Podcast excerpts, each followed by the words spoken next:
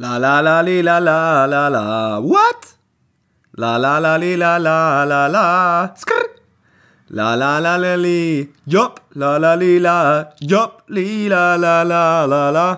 Hallå, hallå, hallå. Välkomna tillbaka till Nicks hörna. Den enda podden i Sverige som man inte alls klipper och justerar. Va? Det måste vara det enda.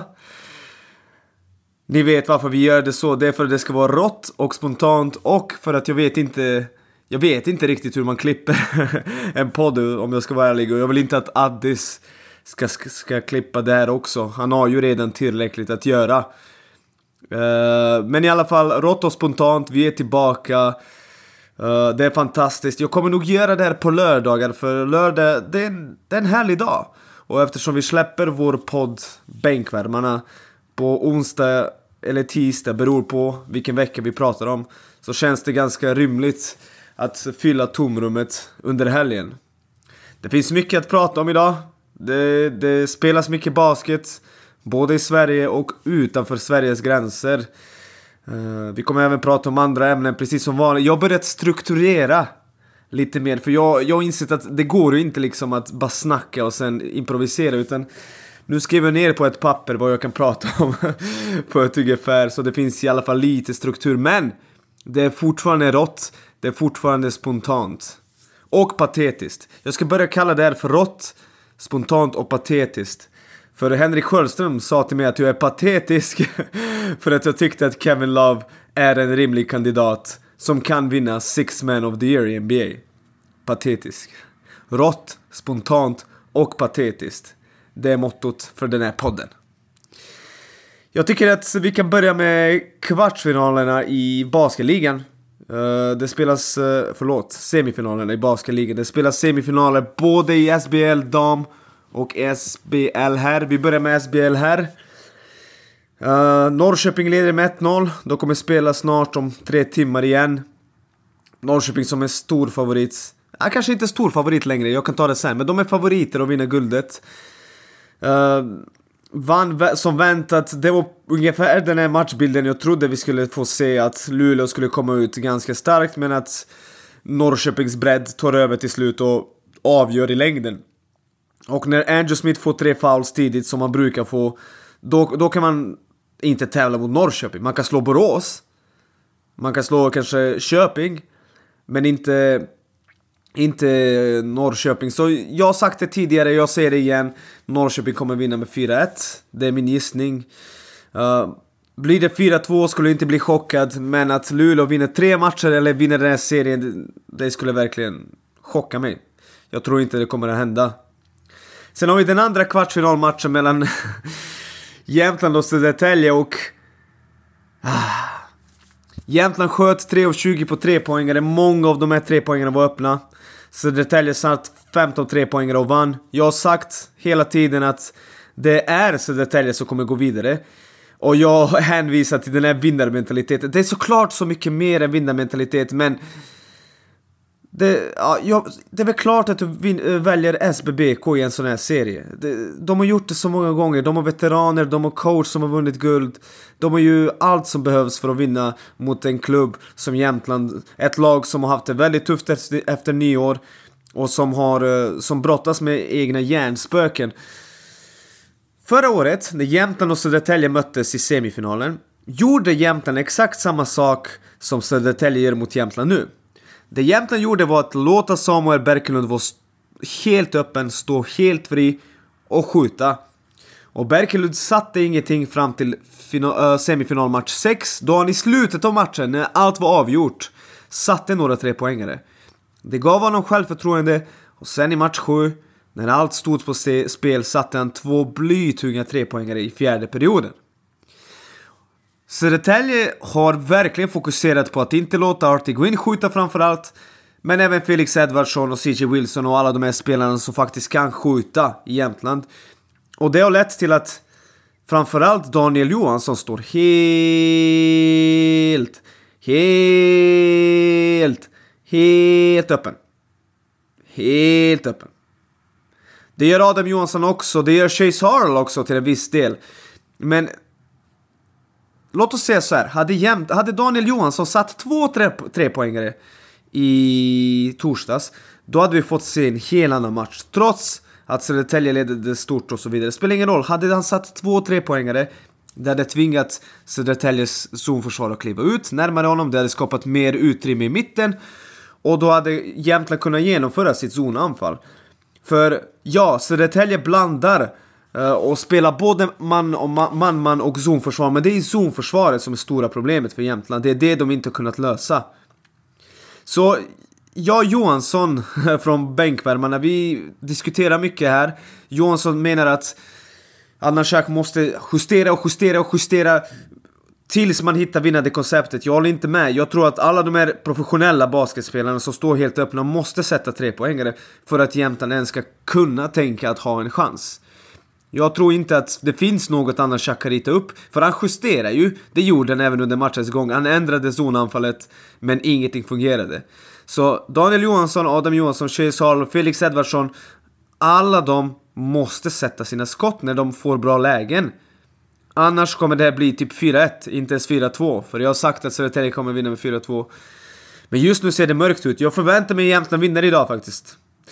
Jag förväntar mig att de vinner, att de kommer tillbaka, studsar tillbaka. Men när Jonte Persson kommer tillbaka och det verkar som att han trots sina hjärtproblem kommer att komma tillbaka eh, nästa match, match 3.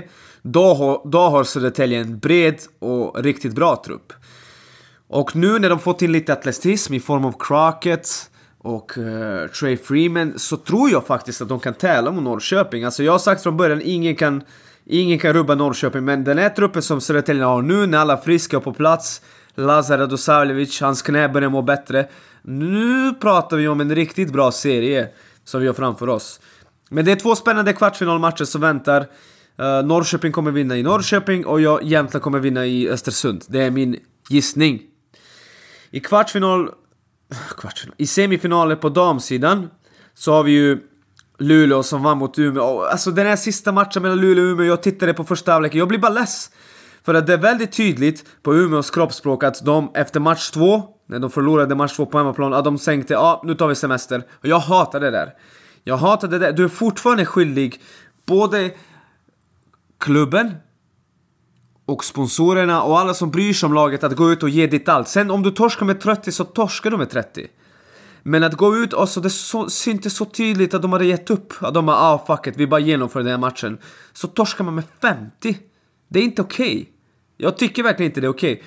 Borås förlorade den här sista matchen mot Luleå med 34, men det handlade inte om att de hade gett upp. verkligen inte, utan Luleå var 30 poäng, 34 poäng bättre.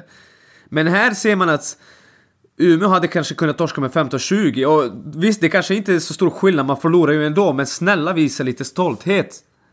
Det finns folk som investerar pengar i att ni ska kunna spela basket. Och sen har vi Östersund mot Norrköping. Där Östersund vann igår, sköt jättebra från trepoängslinjen och Norrköping, jag vill tro att de kan tävla mot Luleå i en potentiell final, men de gör några sådana här riktigt dåliga matcher på bortaplan.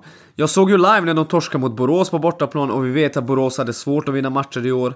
Och det har funnits andra tillfällen där man tänker mm, är det verkligen ett lag som kan tävla mot Luleå? De måste först och främst slå ut Östersund. Östersund är jättebra. Eh, uh, Marin Craker är ligans näst bästa basketspelare efter eh, Brooke McCarty Williams. Det har jag sagt många gånger om. Men jag tycker att Östersund som helhet spelar rolig basket och när de är heta, som de var igår, så kan de absolut besegra Norrköping. Och de var inte heta i match 1 och 2. Igår satte de sina skott, spelade snabbare än vad de gjorde i Norrköping, kom till bättre avslut. Norrköping var inte med på hjälpförsvaret riktigt. Och det ledde till en ganska enkel seger för hemmalaget. Men hur som helst, mycket se fram emot. Se på de här matcherna. Svensk basket äger. Woho! Uh, Frida Eldebring har sagt att hon i princip är klar för att göra comeback i SBL Dam i Södertälje. Och Elin Eldebring vann Eurocup. I förrgår. Och det har fått mig på att tänka på, alltså de här två systrarna, de är så löjligt bra. Alltså, tänk att två, eller till och med tre av de största framgångarna svensk basket på, herr, på seniorsidan haft kommer ju tack vare de två. Det där silvret med juniorlandslaget och så EM-kvartsfinal 2013 och EM-kvartsfinal 2021. Samtliga tre turneringar fanns systrarna Eldebrink. De är, de är såna giganter och de är såna vinnarskallar. De är såna vinnare, alltså det är helt otroligt. Jag, jag tror inte att vi kommer få se något liknande. Jag tror inte vi kommer få se ett par systrar eller bröder som kan ha sån här påverkan för sven på svensk basket. För sanningen är, om inte de två är med, du kan ha alla andra spelare och jag har respekt för alla andra spelare. Men ta bort de två, det blir inget silver för juniorerna och det blir inte två topp 8 placeringar i Europa. Förstår ni hur, vilka mäktiga idrottare de är? Och att de kommer tillbaka till ligan innebär att Södertälje per automatik är största guldfavoriten. Och det kommer behövas så mycket för att slå Södertälje. Det kommer behövas så extremt mycket. Och efter Eldebrinkarnas karriär är över så ska de få ett jobb på förbundet eller inom Södertälje, eh, inom SBBK. Det är det de förtjänar. Då, de har faktiskt varit så pass bra så pass länge att de får välja vad de ska jobba med efter sina karriärer. Det tycker jag fantastiska, de är helt otroliga. De är, alltså, de är två vandrande vinnargarantier. Det är, så de är helt otroliga och det känns faktiskt väldigt kul att de ska tillbaka till SBL dam.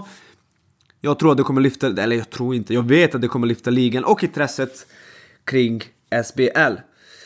Amanda Zahui har vi också, gick till eh, final i Euroleague igår med Fenerbahce, satte några, någon viktig trepoängare, viktiga poäng i andra halvleken när Fenerbahce kom tillbaka efter att ha varit i underläge. Så det händer mycket på damsidan. det händer mycket och det är kul att se.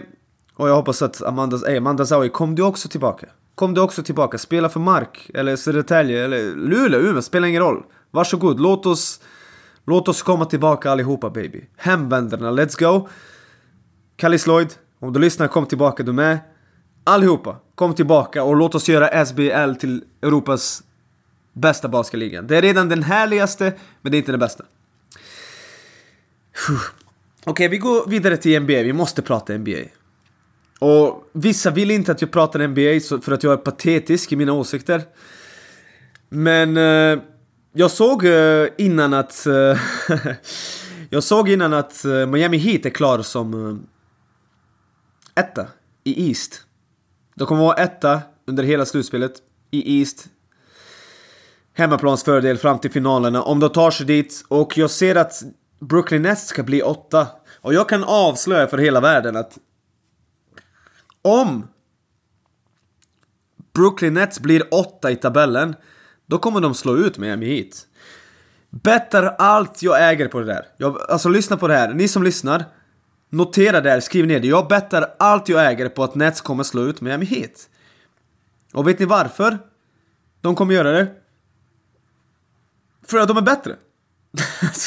det är ingen hjärnkirurgi, de är bättre på basket. Va? Tänk att det kan vara så enkelt. Ja, jag vet vad folk som hejar på Miami Heat, ni vet vilka de är. Jo, ni vet vad som folk som är på Miami Heat säger just nu. Ja, men eh, uh, breds trupp. Vi har dogs. Woof, woof. Du vet, de brukar säga We got dogs on this team. Vadå woof, woof? Miami Heat är snarare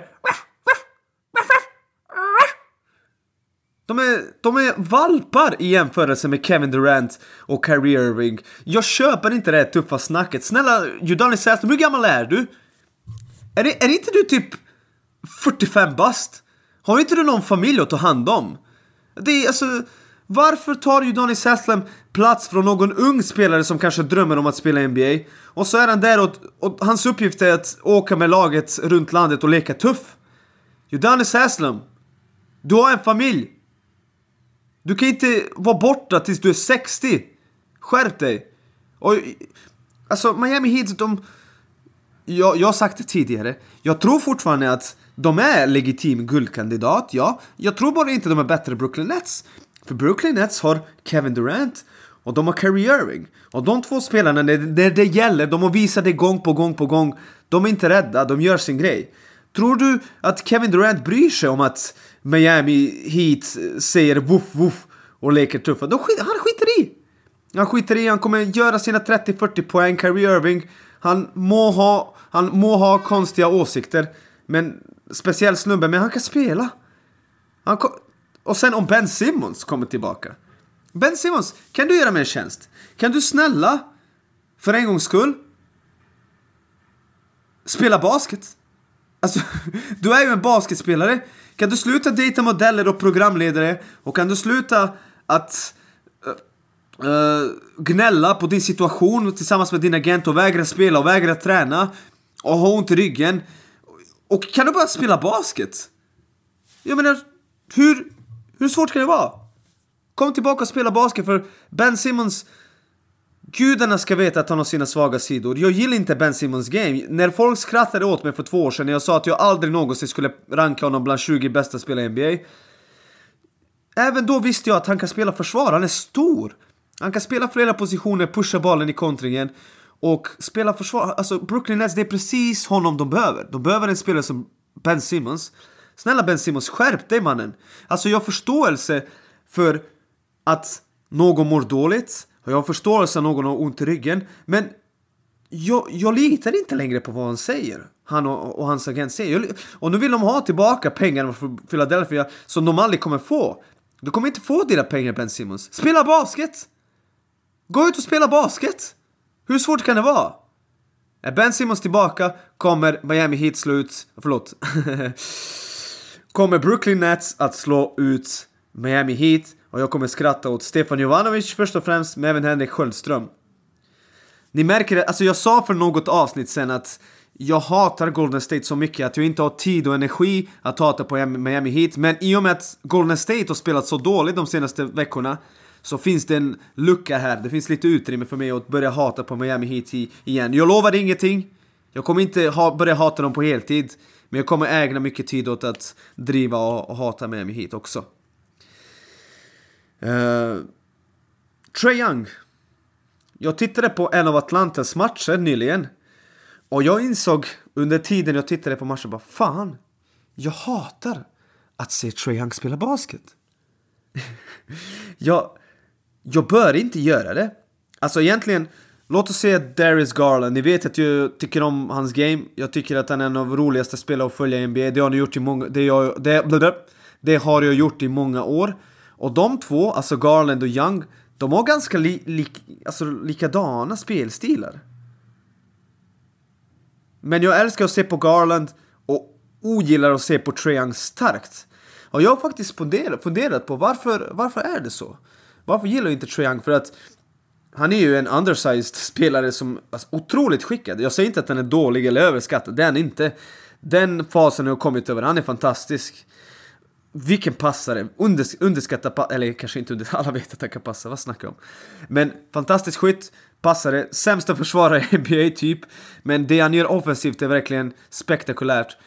Men det är någonting med hans energi på planen. Det är någonting med hans attityd och att han alltid fiskar för fouls som gör att jag kan inte se Atlanta Hawks spela.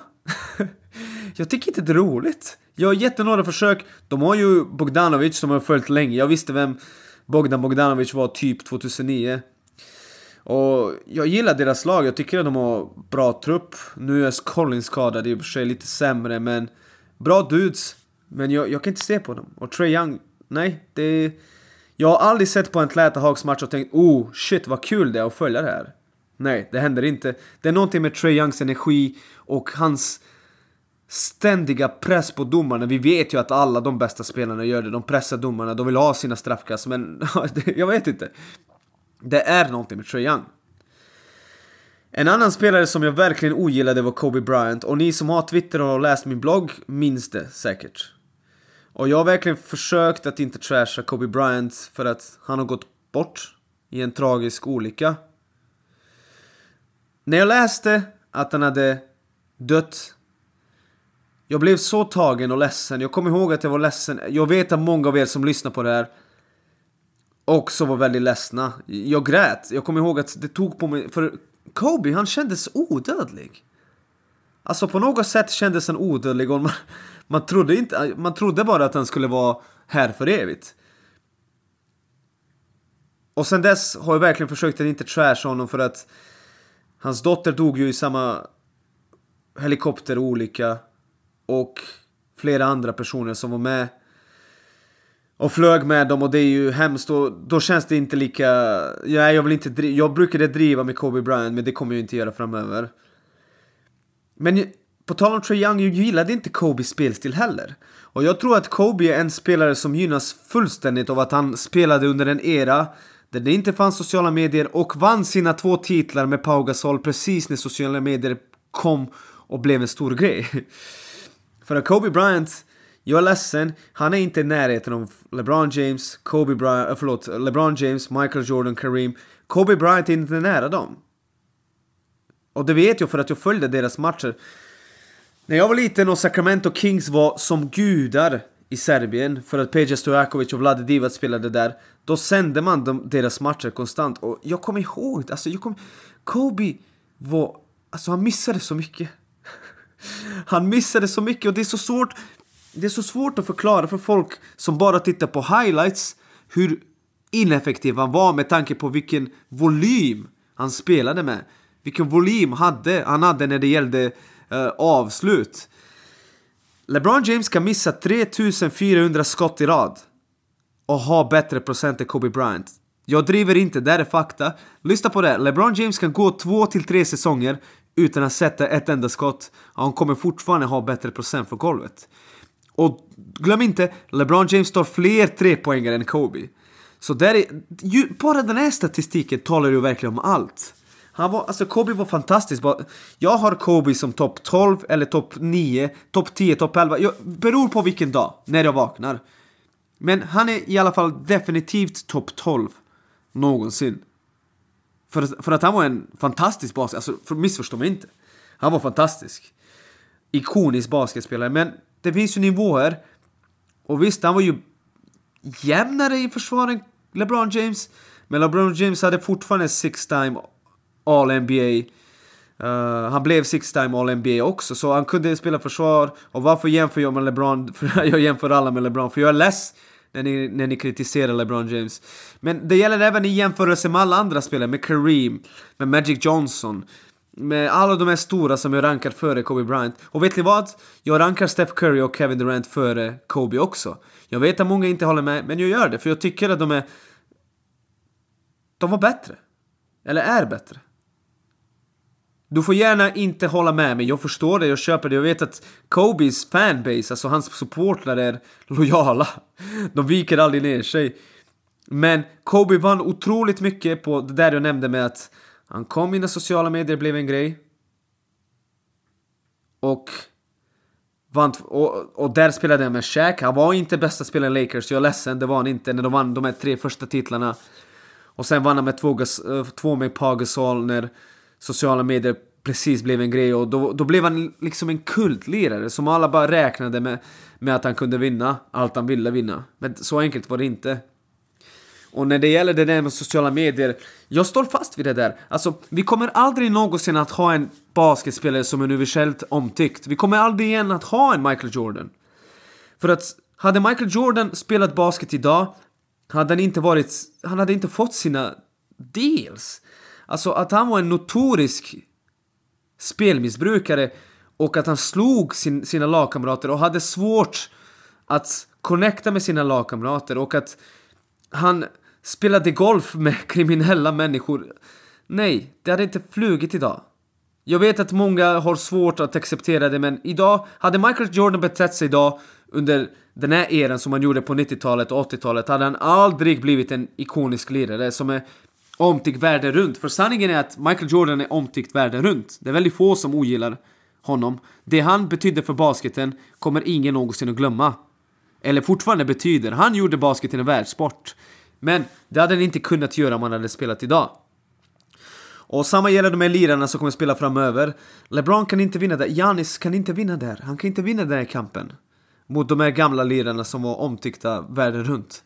För att minsta lilla misstag, minsta lilla dåliga citat, minsta lilla... Alltså... Allt som är negativt laddat analyseras i all evighet och människor bedöms utifrån det där lilla snedsteget de gör. Carmelone gjorde en 13-åring gravid. Hade, lyssna på mig, hade Carmelone gjort en 13-åring gravid, och det här stämmer, ni kan googla det. Jag vet, vissa tror inte mig, men Carmelone, när han var 20, 19, 20 eller 21, jag är inte säker, gjorde, gjorde en 13-åring gravid. Och alla bara låtsas som att ingenting har hänt. Och på den tiden fanns det inte Uh, det fanns inte många kanaler, det fanns inte sociala medier, det fanns inte folk som kunde få sina röster hörda och kräva att Utah Jazz avbryter hans kontrakt och så vidare. Och idag lever han ett gott liv och han är fortfarande omtyckt, vilket är helt ofattbart om du frågar mig. Helt ofattbart. Men ja. Uh, vi går vidare, vi hoppar över till uh, RIG. Riksidrottsgymnasiet från Mark kommer att förlora sin plats och RIG kommer flytta till Norrköping. Och innan jag fortsätter vill jag bara påpeka att det finns ingenting som är roligt här. Alltså allt detta som har hänt med RIG och faktum att folk kommer att bli av med sina jobb på markkrig, det är inget jag tycker är kul. Det tycker jag är väldigt tråkigt. Det måste jag påpeka för jag vet att Oskar Palmqvist som är från Kina som har gått på RIG, jag gillar Oskar. Oskar är en bra kille. Han tweetade åt mig och sa ja men det var precis där du ville, det var ditt narrativ. Jag har inget emot markrig, jag har något emot det Mark Rigo har stått för och hur de har arbetat. Och de har inte arbetat på ett sätt som är värdigt ett riksidrottsgymnasium. Så enkelt är det. Och vi kan vi kan börja med det där som hände med eleverna som tyckte att det fanns systematisk penalism, att de blev misshandlade, kränkta, kränkta och så vidare. Det var ju fullständig katastrof. Det är helt oacceptabelt att det händer på riksidrottsgymnasiet i basket. En sport där vi är stolta över att vi förlitar oss på jämställdhet. Vi förlitar oss på jämlikhet. Vi förlitar oss på att alla ska känna sig välkomna. Det är några paroller som svensk basket verkligen vill uh, känneteckna, kännetecknas av. Och att det blev som det blev är fullständig katastrof. Men det fanns, fanns ju även andra saker. Vi har ju de här uh, eleverna på damsidan som har drabbats av ätstörningar. BT har skrivit om det. Vi har faktumet att om vi ska vara ärliga, och jag har sagt det många gånger, och det är nästan det här som folk som är involverade i markkrig är missnöjda med när jag säger det. De har inte producerat spelare. Jag är ledsen. Om du tittar på Luleå. Du kommer se på här sidan, några år pappa så kommer det en Denzel Andersson. Några år pappa så kommer det en Pelle Larsson. Några år pappa så kommer det Adam Rönnqvist. Några år, alltså de är jämna. Det kommer allt, vänta några år så kommer det en spelare som kan i alla fall tävla om man var med i landslaget. Och det är så viktigt för att, ja, RIG finns inte för att utbilda, utbilda framtida landslagsspelare. Men alla vi vet att den här extra träningen och att man kan värva de bästa talangerna, det ska leda till att folk når den absolut högsta nivån i Sverige. Tittar vi på Sanda som förlorade sin plats 2014, deras sista årgång var 95. Gå några år tillbaka så kommer du se Charles Barton och William Gutenius som antingen, antingen är med i landslaget eller är där och nafsar på en plats. Och innan det så har du Chris Sharapovic. Och alltså förstår ni, även där, ta några år så kommer det en landslagsspelare. Det finns inget som ens i närheten av att vara i landslaget när det gäller markkrig. Vi får se vad Bobby Klintman kan göra, men annars nej. De spelare tar inte det här steget. Jag är ledsen. Det, det är bara, alltså nu pratar jag fakta. Rigo varit i mark sedan 2014. Talangutveckling, det har inte riktigt gått bra. På de sidan tycker jag inte heller att det finns någon som kan komma att bli landslagsspelare. Det finns, nej. Och det, samma sak på damsidan i Luleå, liksom, det tar ju några år. Alltså alla behöver inte vara som de är, som de är 93 när där vi har flera tjejer som är med i landslaget. Det behöver inte vara så, men det måste ju gå några år och sen en spelare som vi tittar på och tänker okej, okay, om ett, två år vi vet att hon kommer spela landslaget eller vara på gränsen till landslaget. Kan Stina Almqvist bli det? Kanske, kanske inte. Jag är inte säker än. Men bortsett från henne, jag vet inte. Jag vet inte om det, det kanske finns, jag kanske har missat någon. Men jag känner att den här talangutvecklingsbiten, det har inte funkat. Och vi får inte glömma heller att när RIK flyttade till Mark, då stod det så här. Ja, men uh, Rik flyttade till mark för att bla bla bla bla och jag kommer aldrig glömma, det stod för att, det stod så här. Och för att det finns ett herrlag i ligan och ett damlag i ligan i närheten. Att det var en av anledningarna till att RIG flyttades till Mark. Och vi kan absolut konstatera att varken Mark eller Borås Basket har fyllts på av RIG-spelare. Så ingen har vunnit, ingen har gynnats. Jag förstår att folk har, vissa har haft det väldigt trevligt och skaffat vänner för livet och jag förstår att man är besviken men det var dags att gå vidare. Det var dags att gå vidare, ge Norrköping chans. Norrköping är en större basketstad, bättre faciliteter. De växer på alla sätt och vis. Och jag tror att de kommer lägga ner väldigt mycket tid och energi på att se till att det inte är stökigt. Och att alla elever mår bra och känner sig inkluderade och inte är kränkta. Nu kan barn eh, och utbildningsförvaltningen eh, i Mark utreda sig själva hur mycket de vill. För deras utredning var ett skämt, det har jag redan sagt. Och nu får de, varsågod, fortsätt. Det kommer inte spela någon roll. Det är synd, det där är ju tråkigt. Det är väl klart att du vill att det ska gå bra för basket i min bygd. Jag vill ha RIG här, ett bra RIG som fungerar, men det fungerar inte. Punkt slut.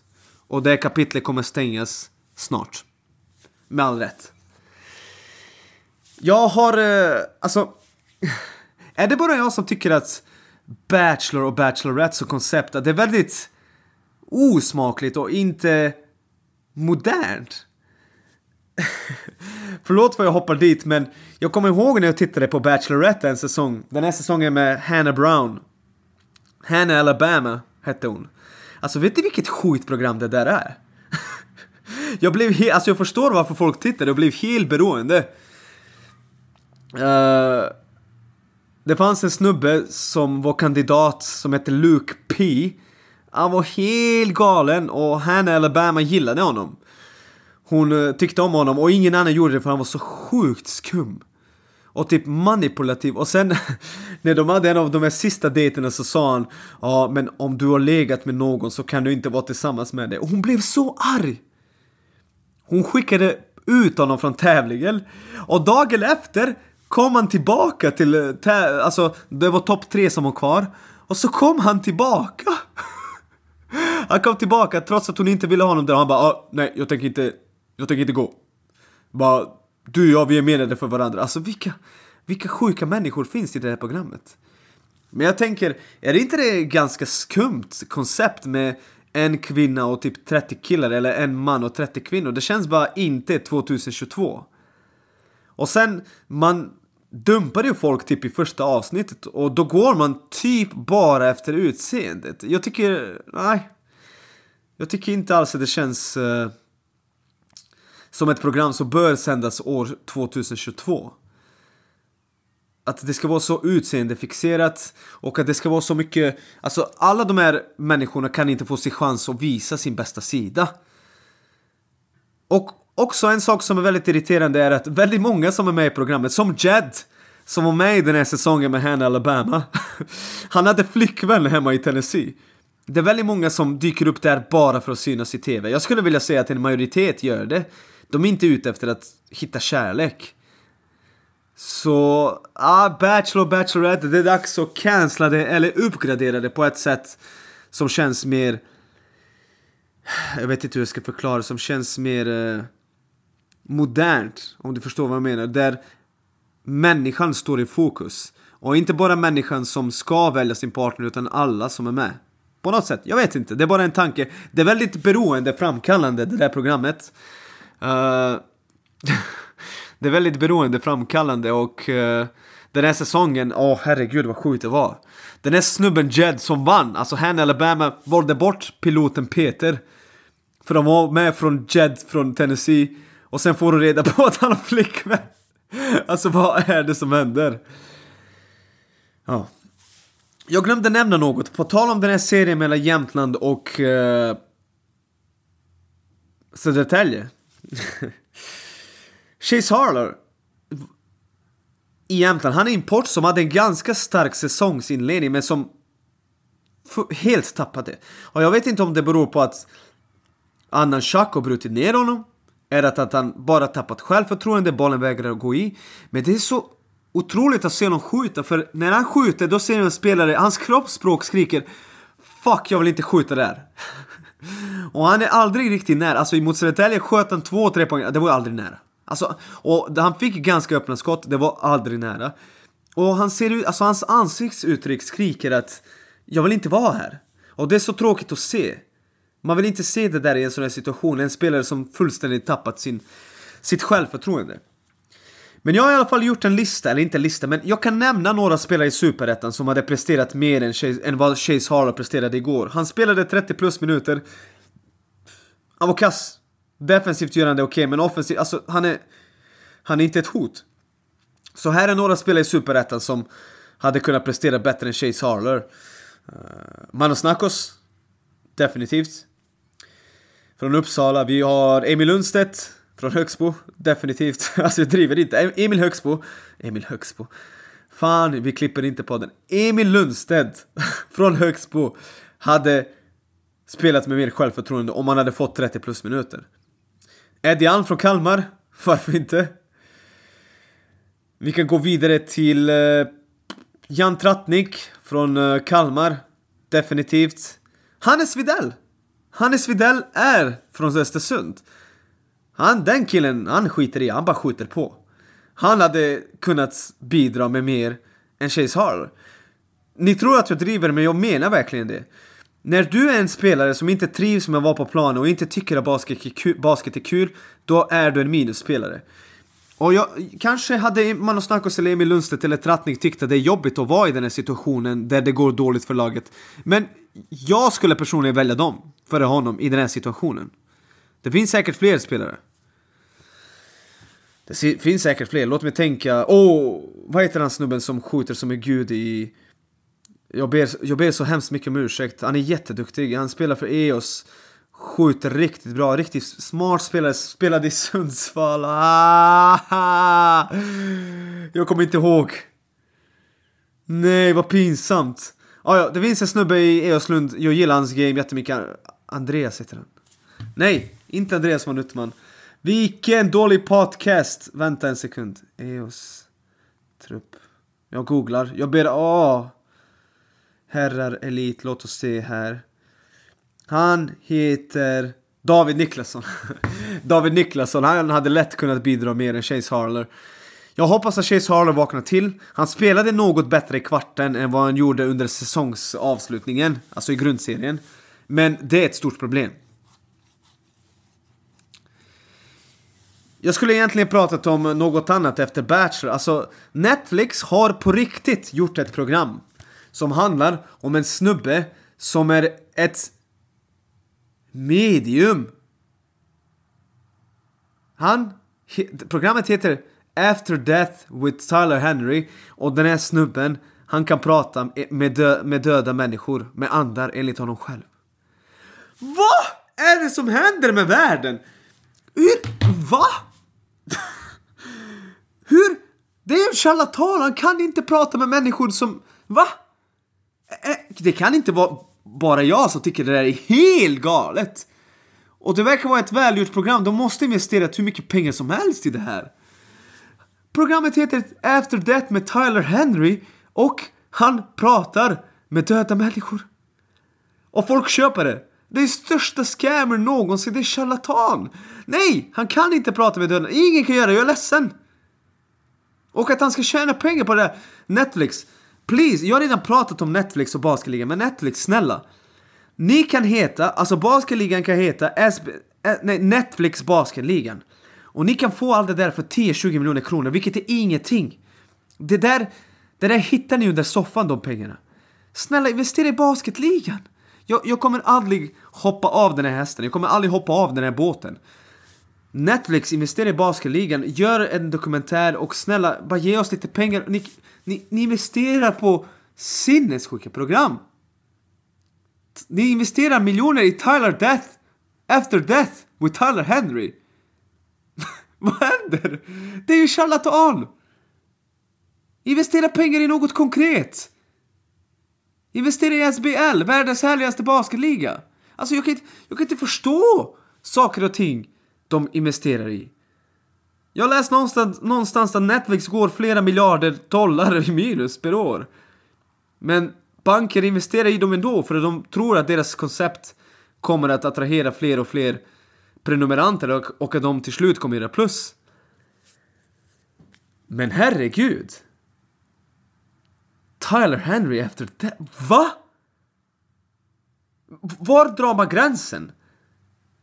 Var de. Vilka kommer tjäna... Snart kommer vem som helst kunna få ett program på Netflix. Och jag vet att Netflix typ pratar om att köpa rättigheter till vissa NFL-matcher. SBL baby, vi är billiga! Vi är inte kräsna, vi kräver inte för mycket pengar. Investera i oss. Vi vet att ni har pengarna. Om ni lyssnar på podden, varsågod och ge oss 20 miljoner. Please.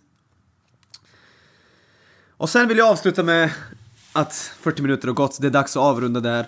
Jag vill avsluta med att det går fruktansvärt dåligt för elitidrotten i, i Borås och Sjuhärad. Alltså jag menar, kom igen! Jag pratade om det förra veckan. Borås åkte ut 0-3 mot freaking Luleå.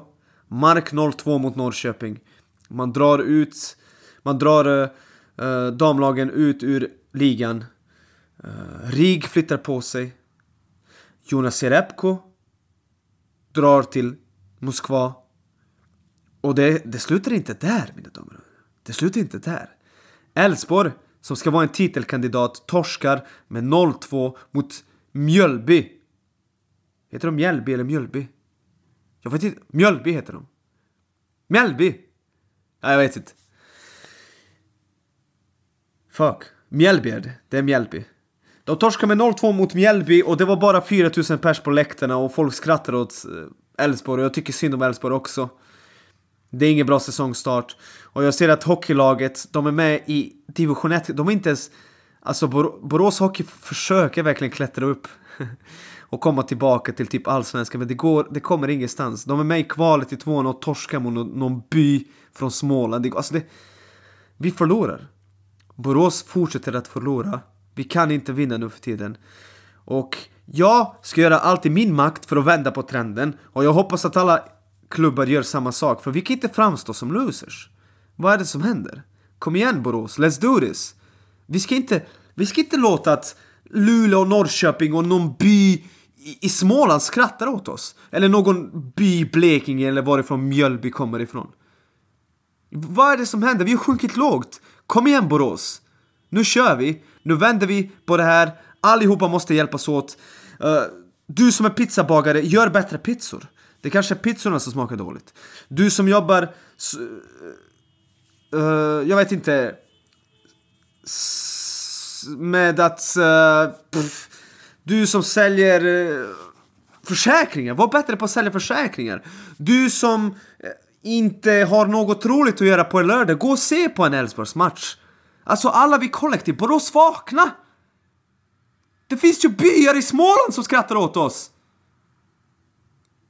Kom igen Borås, nu kör vi! Alltså, jag, jag älskar min stad, jag älskar Borås. Även om jag flyttar från Borås någon gång i framtiden kommer det här alltid vara min stad. Även fast jag har bott i Vršac i Serbien i 17 år. Här har jag bott i typ, alltså sammanlagt kanske 10. Men Borås är min stad, jag älskar min stad. Och det är ont att se min, min stad, att det går så dåligt. Herregud, vi, we keep losing. Det är dags att vända på det här Borås. Och eh, tack för att ni lyssnade på ännu ett avsnitt av Nix Hörna. Vi kommer tillbaka nästa lördag. Jag hoppas att ni gör det bra. Och eh, ja, det är det. Ha det så gott allihopa. Vi hörs nästa vecka.